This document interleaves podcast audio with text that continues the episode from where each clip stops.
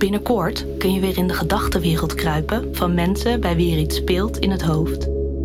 Samen duiken we in het hoofd van Tyler tijdens zijn psychose. Toen zag ik allemaal boeltjes onder mijn huid, alsof er allemaal insecten onder mijn huid begonnen te bewegen. Het hoofd van Fabian met autisme. Hij zei, ja, dit eh, is mijn vriendin en het is het mooiste meisje eh, van de wereld.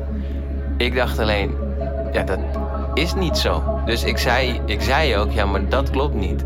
En het hoofd van Gina met ADHD.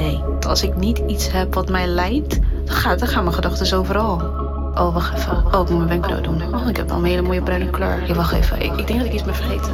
In het hoofd van is vanaf 10 oktober weer terug in je favoriete podcast-app.